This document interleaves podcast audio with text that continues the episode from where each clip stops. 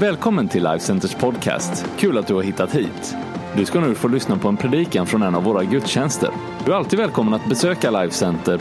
All information du behöver hittar du på lifecenter.se. här i måndags att någonting nytt var på gång. Därför att jag vaknade upp med en bibelvers. Det första jag tänkte när jag vaknade upp på morgonen var en bibelvers. Och det är rätt speciellt, det är även för en pastor. Det är ofta Bibeln talar till mig på olika sätt. Men när man vaknar upp en morgon sådär så, så, så känns det lite speciellt. Och det här var den enda, den mening jag fick i huvudet. Moses är död, gå över Jordan, inta landet. Och då tänkte jag så här, jaha, jag har ju läst min bibel en tid, så att jag, jag förstod ju att det där eh, kommer ifrån ett sammanhang ifrån Josua bok. Och vi ska läsa de här verserna tillsammans som kommer upp på skärmen här. Josua kapitel 1, verserna 2 och 3. Där står det så här, min tjänare Mose är död. Stå nu upp och gå över Jordan, du och allt detta folk, in i det land som jag ska ge åt Israels barn. Varje plats där ni sätter er fot har jag givit er, så som jag lovade Moses. Ska vi be tillsammans? Jesus, jag ber att du ska lysa på det här ordet. Gör det levande för oss, så att det inte bara blir eh, bokstäver, utan det blir någonting som kan lyfta våra liv, lära oss mer om dig Gud och också lära oss någonting om oss själva och den plats du har positionerat oss för och det liv som du har eh, öppnat för oss Gud, Herre. Låt det få vara verkligen någonting som ger oss mat för våra själar och någonting som föder hopp och tro i våra inre. I ditt mäktiga namn. Vi ber. Amen. Livet är ju fullt av passager och skiften. Är ni med på det? Fullt av passager. Vi går från eh, barndom till ungdom och från ungdom till vuxen. Nu har några slängt in något litet sånt där eh, extra grej där liksom i våran tid, man går till ung vuxen, vad det nu är då. Hallå? Vad det nu är. För att alltså antingen tycker jag ju att man är vuxen eller så är man inte vuxen. Men däremot så är man ju alltid på en resa, för en ungdom är ju också på en resa. Ett barn är ju också på en resa. Men vi säger inte att man är liksom ungt barn. Ung tonåring ja ung tonåring kanske man säger. Men okej, okay. vi är i olika transitions, olika faser. Va? Och vad de nu betyder, det kan vi väl hålla på att diskutera lite. Men vi går ifrån vuxen också till det som kallas för en ålderdom. Vi går från beroende av våra föräldrar till oberoende och eget ansvar. Och så småningom så går vi tillbaka till någon typ av beroende av andra i livets sista stadie på något sätt. Det beror lite på hur vi får hålla hälsa bland annat. Men vi går från singelliv till eh, förhållande många. Och så går man in i äktenskap och i olika säsonger där. Man går från okunskap till kunskap från omognad till mognad. Man går från att vara i centrum för allas uppmärksamhet. Vi har ju barnbarn nu Ulrika och jag och liksom, vi är ju helt nojiga över det här. Det är, helt, det, det är sjukt bra. Det är sjukt bra. Det är härligt alltså. Du vet när man ser ett litet barn som gör så här. Va? Då betyder det att man ska sjunga krokodilen. Eller hur? När man sätter på, alltså jag har ju musik på min min, min, min telefon va, som jag aldrig trodde jag skulle ha på min telefon. Va? Babblarna, när kom Babblarna in i livet? Va? De, alltså, Babblarna trängs på min telefon med lite sån här eh, annan eh, hälsosam musik för en eh, person född i mitten på 60-talet, typ Saxon, Whitesnake, Judas Priest och eh, oh, oh, oh, oh, oh, oh, Samuelsson och, och, och, och, och, och Edin Ådahl. Säsonger, faser. Från att vara i centrum som liten till att man bär bördor för att sen en dag bli, jag ska inte säga en börda för andra, men att man blir buren av andra. Från studieliv till arbetsliv till pensionsliv, vad det nu är. Jag frågade någon härlig idag som eh, Ja, en, en härlig kompis till mig, hur det är att vara pensionär. Han, han, han, han var ju mest, mer aktiv än någon annan. Han ska spela hockey här med, med ryska och amerikanska NHL-spelare här som är före detta spelare och det lät jättespännande. Jag vill tala om förändringar och vad förändringar gör med dig. Alltså flytten ifrån skuggor ut i ljuset är någonting som jag skulle vilja särskilt betona. Från en tid när man fortfarande tränar för det som är livets stora uppdrag. Till den tid när andra är beroende av mig. Och där jag faktiskt axlar ett ansvar som andra är beroende av att jag axlar. När livets stora skiften kommer, då det inte längre är tid att vara i träning utan man kommer in i någon typ av annorlunda action i livet. Vet, livets absolut största skifte, det är när man blir frälst. Bibeln är så tydlig över frälsningen att den säger att man går ifrån mörker till ljus. Man går ifrån död till liv. Det är livets största skifte. Jag ska säga så här, att den som är frälst eller säger sig vara en kristen, där inte det radikalt har förvandlat livet med ett möte av vem Jesus är, behöver fundera på vad Jesus-mötet producerat i livet. Det kanske är dags för någon att uppleva det man kallar för en förnyelse i den heligande. Att blåsa liv i sin nådegåva, att ha ett nytt möte med Jesus som de första kristna ständigt hade. Men jag tvivlar på att den som verkligen har mött Jesus kan vara oberörd av vad frälsningen har producerat i ens liv. Att vara indifferent, att vara en medioker, lagom, ljummen kristen är ju ingenting som jag tycker är attraktivt. Jag tycker man ska vara brinnande, varm eller kall. Man ska vara liksom laddad med någonting. Och det här kan vi ju naturligtvis reflektera över. Jag är inte här för att sända någon fördömelse över dig, för det tror jag inte alls är från Gud. Jag erbjuder dig en möjlighet att blåsa liv i någonting och att tända liksom den där lågan som egentligen kanske då finns där inne. Frälsningen är radikal och revolutionerande och Bibeln säger att den är det största skiftet. Vi läser här texten om någon som vi eh, eh, kanske ganska ofta refererar till som troende och det är Josua. Josua han var född i Egypten som slav. Han eh, tränades som en assistent till Moses.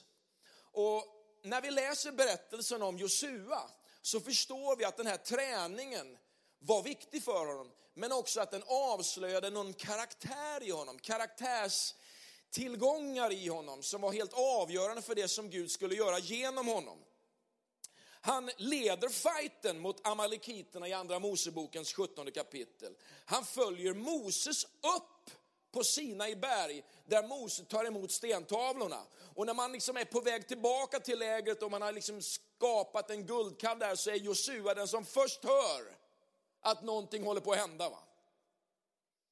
Han är en av de tolv spejarna som eh, får liksom bespeja det här löfteslandet. Han är lojal, han är uthållig, han är trofast och vid sidan av en kompis till honom som heter Kaleb så är de de två enda i den unga generationen som får gå in i det som är löfteslandet. För alla över 20 år som väljer att liksom gnata, att liksom se sig tillbaka, att inte liksom tro framåt, de kommer att dö under 40 års ökenvandring. Josua var en som räknade med Gud och hans namn Jehoshua betyder Gud är frälsning. En förebild på vem Jesus Kristus är. Han är en referens till Jesus. Och i Hebreerbrevet som vi fick citera tidigare under insamlingstalet här, eh, talar om honom som den som förde Israels folk in i vilan på samma sätt som Jesus vill föra oss in i en vila i frälsningen, en trygghet i frälsningen. Och när vi läser allt det här om Jesus och den här inledningen som jag har, så förstår jag att det är några saker som jag särskilt skulle vilja betona för dig idag. När det gäller att ta livet ut ur skuggan in i det som är Guds ljus. Det första är att växa i skuggan. Vad betyder det att växa i skuggan? Det finns en styrka i att växa i den skuggan. Inte alla andra identifierar den. Man kanske vet om att du finns, man vet om att du gör saker, men du har inte den positionen att du alltid avkrävs det ansvar som att vara i det yttersta behöver göra. Du vet, det tog Josua över 40 år att utveckla sina skills och sin förmåga att leda folket. Att leda folket på en nivå som behövdes när han tog över en miljonskara och skulle föra dem in i det här förlovade landet. Vet, Moses, han ledde med en lite mer diplomatisk stil. Vi är ju i historien någonstans här 14-1500 år före Kristus, det vill säga för 3 500 år sedan. Moses hade en lite mer diplomatisk stil och även om du tycker att eh, Mose var en ganska kantig figur med liksom eh, plågorna och sträcka ut handen över Röda havet och slå på klippan och så var han mer diplomatisk i sitt sätt. Han var ingen större talare, men han hade en talare nära sig som hette Aron. Josua, han var liksom lite mera in your face som ledare. Och alla tider behöver olika typer av ledarskap. Olika situationer behöver olika typer av ledarskap och den tid som behövde en mer konfrontativ ledarstil som Josua hade, den behövdes därför att de skulle gå in i 30 år av krig och erövringar mot 17 olika folkslag och arméer. Det behövdes någon som kunde avancera. Vi behöver olika typer av ledarskap i olika tider och vi behöver också själva erövra olika typer av ledarskap för olika situationer.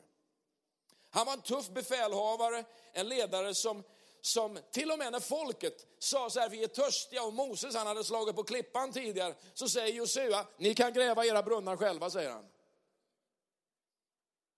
Det är en ganska skön ledare.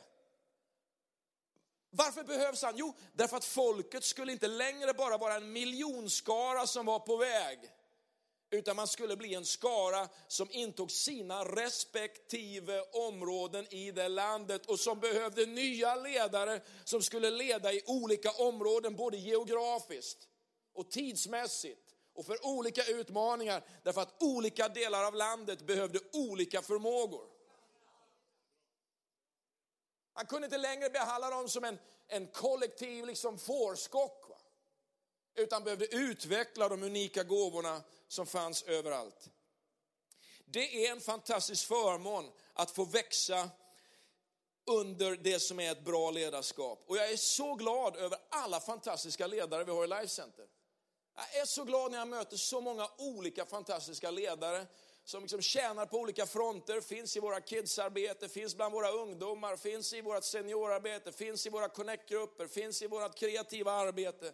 Vi tränar mängder av ledare i Life Center och vi tror att det är någonting som vi kallar att göra. Jag är glad över de ledare jag hade i unga år.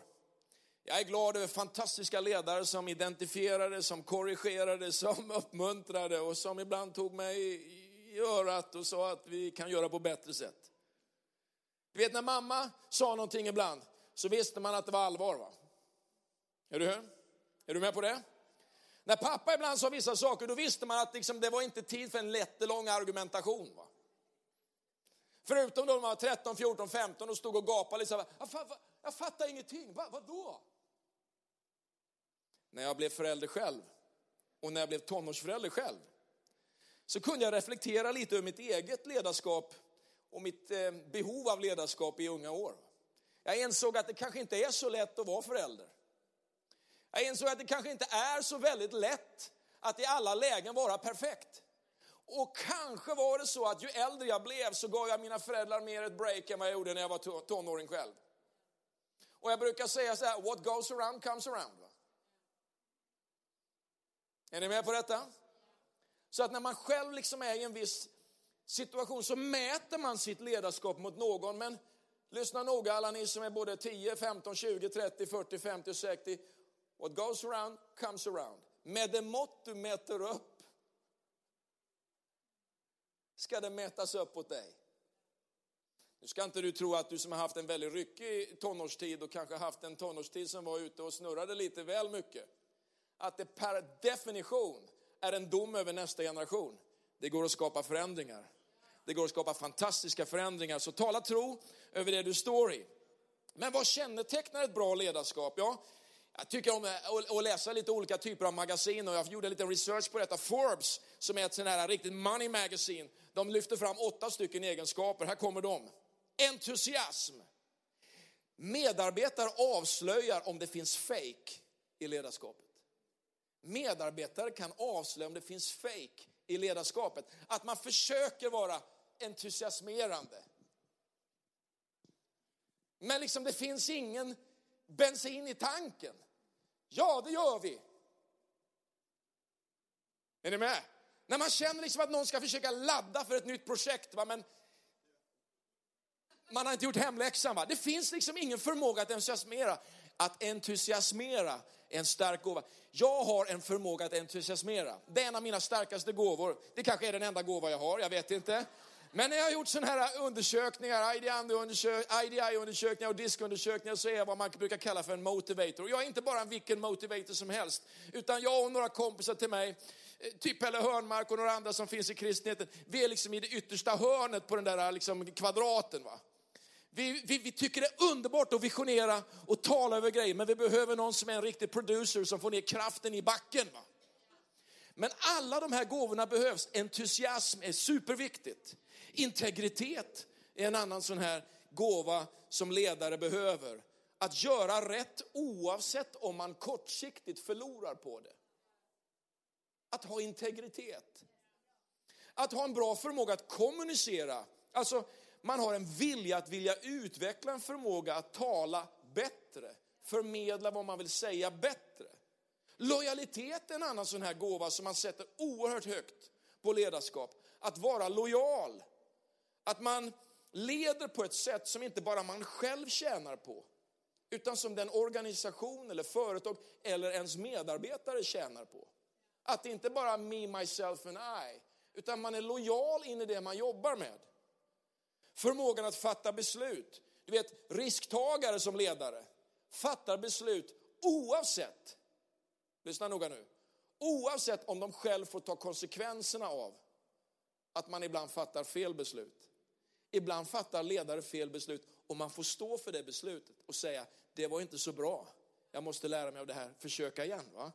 Men man är risktagare som ledare och man vill fatta beslut. Man har också en förmåga att leda, alltså att vara en manager, att vara en bra coach. Att, att, vet, man brukar säga så här, här ibland att bra sportcoacher, de har många, många gånger varit ganska bra spelare. Men alla de bästa spelarna blir inte per automatik bra coacher. Jag tror att det är oerhört viktigt för oss att förstå att det finns en förmåga att leda som är bra. Vi talar ibland också om empowerment, det, eller frihet att verka. Att man ger andra frihet att verka. Att ge sina medarbetare, att ge sitt lag frihet att verka. Att inte alltid ha en överrock va, av kontroll. Utan att det finns en frihet att växa. Man talar om karisma. Människor följer det man tycker om. Och man följer den som upplevs vara tillgänglig. Det här är åtta punkter som man skulle kunna ägna en hel predikan åt, eller någon form av ledarskapsseminarium åt. Men allt det här finns och vi kan se det i Josuas liv också. Jag skulle säga så här, ta vara på den tid du har under någons ledarskap. Vi är ett team av olika generationer av ledare och efterföljare. Vi står alla på någons axlar som förde oss hit brukar vi säga. Vet när Fredrik Lindström här och Skavlan häromdagen sa så här att svensken han är egentligen i grund och botten uberstolt över att vara svensk. Men i vårt otroliga oberoende och individualism så tycker vi att det är lite förmätet att egentligen fira nationaldag, för vi tycker egentligen att vi är ganska bra ändå. Vi är så stora och starka i vår egen identitet att vi tycker att vi behöver inte visa det. Men vi vill gärna vara världens samvete. Men i vår förmåga, i vår individualism, i vårt individualistiska samhälle och vårt välstånd så utvecklar vi också det som kanske kallas för världens största ensamhet. Vi behöver ingen, men när vi väl behöver någon, då står vi ensamma. Medan de som inte har så mycket måste ha hjälp av andra. Och därigenom utvecklar man en större generositet mot andras tankar. Det är ju så här att ingen människa är en öde ö och vi efterträder alla någon. När vi kommer i vår sena medelålder i livet oftast, då dör mamma, då dör pappa och du blir den sista länken i generationen före dig. På jobbet och i kyrkan sker förändringar, men vår tid i träning i skuggan är inte passiv. Den är underordnad att tjäna att vara trogen var vad Josua var. Han var trogen det han var född i och han var trogen det folk han var född hos. Jag skulle vilja säga så här till dig, när du ger ditt liv till Jesus så ger du ditt liv till honom och ytterst honom. Men du ger också ditt liv till Jesus i en gemenskap. Du kan inte ge ditt liv till gemenskap och ditcha det sammanhang du är född i. Därför att det du är född i är också det som förde dig fram till Jesus. Respektera det som förde dig fram till Jesus. Hedra det som förde dig fram till Jesus. Om du har vuxit upp i en liten kyrka, i ett litet halvträigt sammanhang, så finns det människor som bad för dig, som vittnade för dig, som hjälpte dig, som trodde på dig. Det är som jag brukar säga när man, i en gammal tv-intervju när det gick lite dåligt för Hammarby i fotbollen så var det någon som gjorde en intervju med någon supporter och så sa man så här, kan du inte heja på något annat lag nu istället? Det går ju lite dåligt för Hammarby här. Och så sa supporten så här, man överger väl inte mamma för att hon har en dålig säsong? Man överger inte morsan för att hon har en dålig säsong. Du överger inte ditt sammanhang för att det är en skakig tid, vare sig i ditt liv eller i det sammanhang du står. Du är trogen, du är trofast och du hänger i. Förminska inte din tid i skuggan. Josuas framtid, det rörde samma folk och det var samma vision. Det är bara det att det var en ny tid. En ny tid. Det är fortfarande Sverige som ska bli förvandlat. Förringa inte din träning genom att säga att du är för gammal. Ibland tänker vi på den unge Josua som skulle ta över efter Moses. Den unge Josua. Det står i min bibel att Josua säger att han var 40 år. 40 år när han bespejade landet. 40 år. Och det skedde två år in i vandringen mot det förlovade landet. Det vill säga att det tog ytterligare 38 år till dess att han fick auktoriteten. Han är alltså 40 år. Minus 2 plus 40. Han är alltså 78 år. Om jag räknar rätt. När han får ta auktoriteten. Och jag tänker ibland så här. Din tid i skuggan finns därför att bygga en karaktär och en kompetens som kan bryta igenom. Diskvalificera inte dig själv för att du är 22 år och tycker att alla andra ligger i vänsterfil och tutar för omkörning. Du har inte sett slutet än. Diskvalificera dig inte för att du är 62 år och tycker att du har gjort allt. Det är inte färdigt än. Punkt två. Det finns kraft för en ny tid.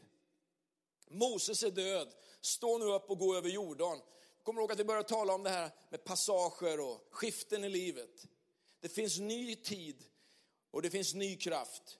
Och ny kraft och ny tid tillsammans, det finns där därför att vi går ifrån förberedelse i våra liv till förverkligande. Du går från förberedelse till förverkligande. Hur många av er tror att ni är inne i en tid av förberedande för någonting som ska komma? Jag tror det. Vi brukar säga the best is yet to come och det var inte Brian Houston som kom på det. Men det är väldigt bra att han har liksom strukit under det. För the best is yet to come. Och om the best is yet to come, vad är då den tid vi lever i? Jo, det är en förberedelse för det som ska komma, eller hur? vet, den här veckan så fick vi höra att eh, Billy Graham har dött och han ska nu nästa vecka på, jag tror det är på onsdag, torsdag, ligga där i Kapitolium. På liksom Lide Parad, man ska, man ska, eh, en, en place of honor. Och så ska man och defilera förbi hans kista där, två dagar ska han ligga där. Det är bara två stycken andra, eller tre stycken andra personer som inte varit militärer eller politiker som har gjort det. Rosa Parks och två stycken poliser som blev eh, mördade. Och där ligger han efter ett liv, 99 år gammal, som har predikat för mer människor än någon annan och som har varit trogen sin tjänst när liksom ledare efter ledare har tippat åt sidan. Ett skifte talar om att gammal tid är förbi och ny tid har kommit. Men vem tar upp den manteln? Vem tar upp den manteln? Josua bok handlar om att fullborda på samma sätt som apostlärningarna fullbordar det som Matteus, Markus, Lukas, Johannes talar om. Vet, Matteus, Markus, Lukas, Johannes talar om Jesus. Och de lärjungar som följde Jesus. Men apostlärningarna som kommer efter berättar om vad man gjorde med allt det som Jesus sa. På samma sätt är det med Josua bok. Den talar om fullbordandet av allt det som sker i första, andra, tredje, fjärde, femte Mosebok så kommer Josua bok. Nu ska löftet fullbordas, det som Gud gav till Abraham. Det här landet som utlovades. Det ska fullbordas. Och det lär oss två saker, nämligen det här. Du kommer inte att stå i skuggan för alltid. Lyssna noga nu. Du kommer inte nå, stå i skuggan för alltid. Men det, också, det säger också det här att du inte är ämnad att stå i skuggan för alltid. En del av er tycker det är ganska skönt att ta sista liksom, platsen i, i kyrksalen eller eh, gärna liksom lite bakgrunden för att du är liksom en, du vill inte framhäva dig själv. Det är en jättefin egenskap. Ödmjukt, hedervärt, men förminska inte.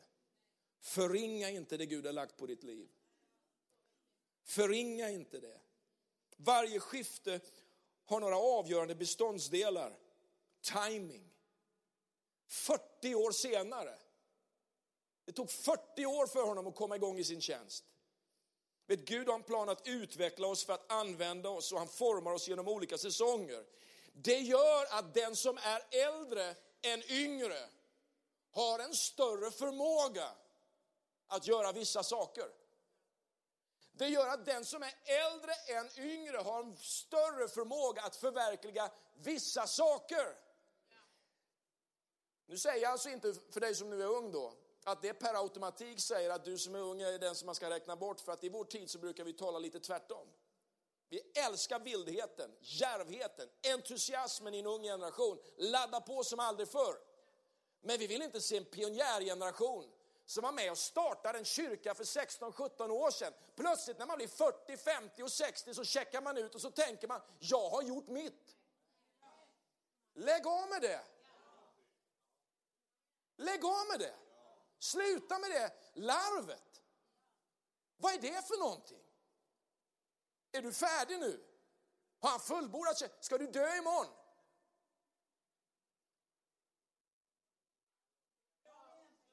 Det är bara att packa ihop resväskan och ställa sig någonstans i ett hörn och vänta på bussen.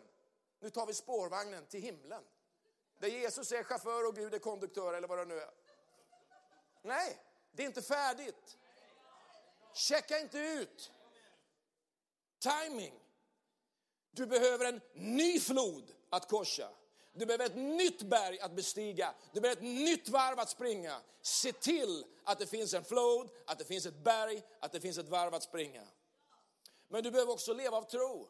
Det stod i texten här. Tro är ett liv i ständig rörelse. Hebreerbrevet 10, det står så här, titta på texten. Kasta inte bort er frimodighet. Den ger stor lön. Ni behöver uthållighet för att göra Guds vilja och få vad han har lovat. Det har du hört mig citera miljoner gånger. För ännu en kort liten tid så kommer han som ska komma, men han ska inte dröja. Min rättfärdige ska leva av tro, men drar han sig undan har min själ ingen glädje i honom. Men vi tillhör inte de som drar sig undan och går förlorade, utan de som tror och vinner sina själar. Alltså, vi backar inte undan. Man brukar säga så här, it's not over until the fat lady sings. Jag vet egentligen inte riktigt vad det betyder, men det, det betyder att det, det är inte över förrän det är över. Det är inte över förrän det är över. Tro är ett liv i ständig rörelse för att förverkliga Guds vilja i den här tiden. Tro, det är kopplat till frimodighet. Vi tro växer. Tro blir starkare ju mer man använder det. Tro producerar stor lön, stod det i den här texten. Frimodigheten har med sig en stor lön. Tro handlar om att vi behöver hänga i för att förverkliga det Gud har lovat oss. Vi behöver leva med ett Jesusperspektiv i det här. Jesus kommer tillbaka. Han dröjer, men inte länge. Du behöver tro och action därför att det förlöser stor glädje, stod det i texten. Vi behöver också tro att proklamera att det här är det här, det här är det liv vi lever. Alltså, vi tillhör inte dem som drar sig undan, det är ju en proklamation. Du behöver kunna proklamera, nej, jag backar inte undan. Jag är sugen på livet. Det finns en ny flod för mig. Det finns ett nytt berg för mig. Det finns ett nytt varv för mig. Och är det inte så i ditt liv, jag kan liksom identifiera mig med det också. Säsonger i mitt liv när jag undrar, Gud finns det ett varv till för mig? Finns det ett berg till för mig? Och då är det så här att Gud för dig genom den passagen när du har tömt ut gårdagens välsignelser. Då är alltid ett motstånd. Då är alltid en säsong när det är jobbigt. Då är det alltid en säsong när jag tror jag backar undan nu. Nu vill jag vila lite. Nu ska jag bara liksom, nu ska jag bara liksom, jag behöver ett halvår nu, jag behöver ett år nu, jag behöver ett decennium nu, jag behöver liksom ett halvt liv nu. Nej. Motståndet, det finns där för att plocka fram det bästa i dig och vad du lever för. Och det som finns på andra sidan, det är det som är morgondagens välsignelser. The best is yet to come. Tacka Gud för portarna. Tacka Gud för dörrarna. Tacka Gud för motståndet. Tacka Gud för tiderna när du ibland undrar vad ska det bli av allt det här. The best is yet to come. Det finns någonting fantastiskt framöver. Jag ska be att våra team kommer upp på scenen här. Hörni, jag ska avsluta på följande sätt. Vet Gud, han rör ju sig i vårt land idag och min utmaning till dig det är egentligen att säga att du spelar väl inte egentligen i de lägre serierna längre. Hör du vad jag säger? Varför då? Därför att du har sett att Gud är trofast. Du har sett att Guds löften håller. Du har förstått att det inte handlar om dig när du är en mogen människa. Ibland så hör jag där, ja men jag då, min kallelse, min läge, min väg. Vet, den som har upplevt vad Gud vill talar inte så mycket om jag, mig och mitt. Man hör inte så ofta den människan tala så mycket om någon borde göra något. Man gör något. Språket är annorlunda. Man säger inte jag tycker lika mycket som alla andra. I den här vandringen upplever man att det finns ett fortsatt steg. Och varför gör man det? Jo, lyssna här. Därför att Gud har gett ett grönt ljus till nästa säsong i ditt liv. Du finns här och du upplever att det har varit liksom en skakig tid. Det finns ett grönt ljus för nästa säsong i ditt liv. Du behöver mod att gå vidare. Filipperbrevet 1 och 6 säger så här. Jag är övertygad om att han som har börjat ett gott verk i er, han ska fullborda det. Han ska fullborda det intill Kristi Jesu dag. Du vet att korsa Jordan har en betydelse för dig och mig. Vi är här för att göra skillnad. Vi lever inte bara frälsta, vi lever kallade. Att bygga kyrka, det är allt vi är. Det är allt vi gör. I vardagen, i plugget, här, Överallt så är det vi som är hans folk. Och vi är här för att vi vill se våra grannar och kollegor, våra klasskamrater, våra vänner lyfta sina händer och säga Jesus är det bästa som har hänt mig. Jesus är det bästa som har hänt mig. Ska vi ställa oss upp allesammans? Jag är så glad att få göra resan tillsammans med dig och så glad att få göra resan tillsammans med Jesus. Inte för att jag ska duga, utan för att jag duger. Jag gör inte det här för att prestera min tro. Jag gör det här för att leva ut det jag har fått av honom. Vet, det är dags för dig själv att ställa dig upp och säga att jag är inte färdig ännu, jag är fortfarande på väg, jag är hungrig. Du kanske finns här idag som skulle behöva säga så här, det är min tid nu att bara kliva ut ur skuggan och tacka Jesus för allt det som han har gett mig. Finns du här? Som vill säga de orden så välkomnar dig Jesus att bara ge dig kraft för nästa säsong i ditt liv. Amen.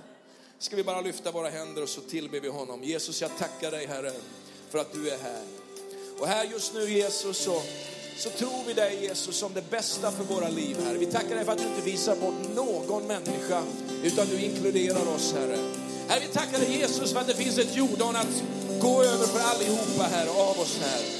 Vi tackar dig Jesus för att det finns ett berg att bestiga för oss alla, Herre. Herre, vi tackar dig för att det finns en ny utmaning för våra liv, Gud, Herre. Och vi älskar dig Jesus, Herre. För att ingenting av detta är prestationsbaserat, utan det bara handlar om att göra någonting med allt det som du har gett för oss, Herre. Vi tackar dig, Herre, och vi hyllar dig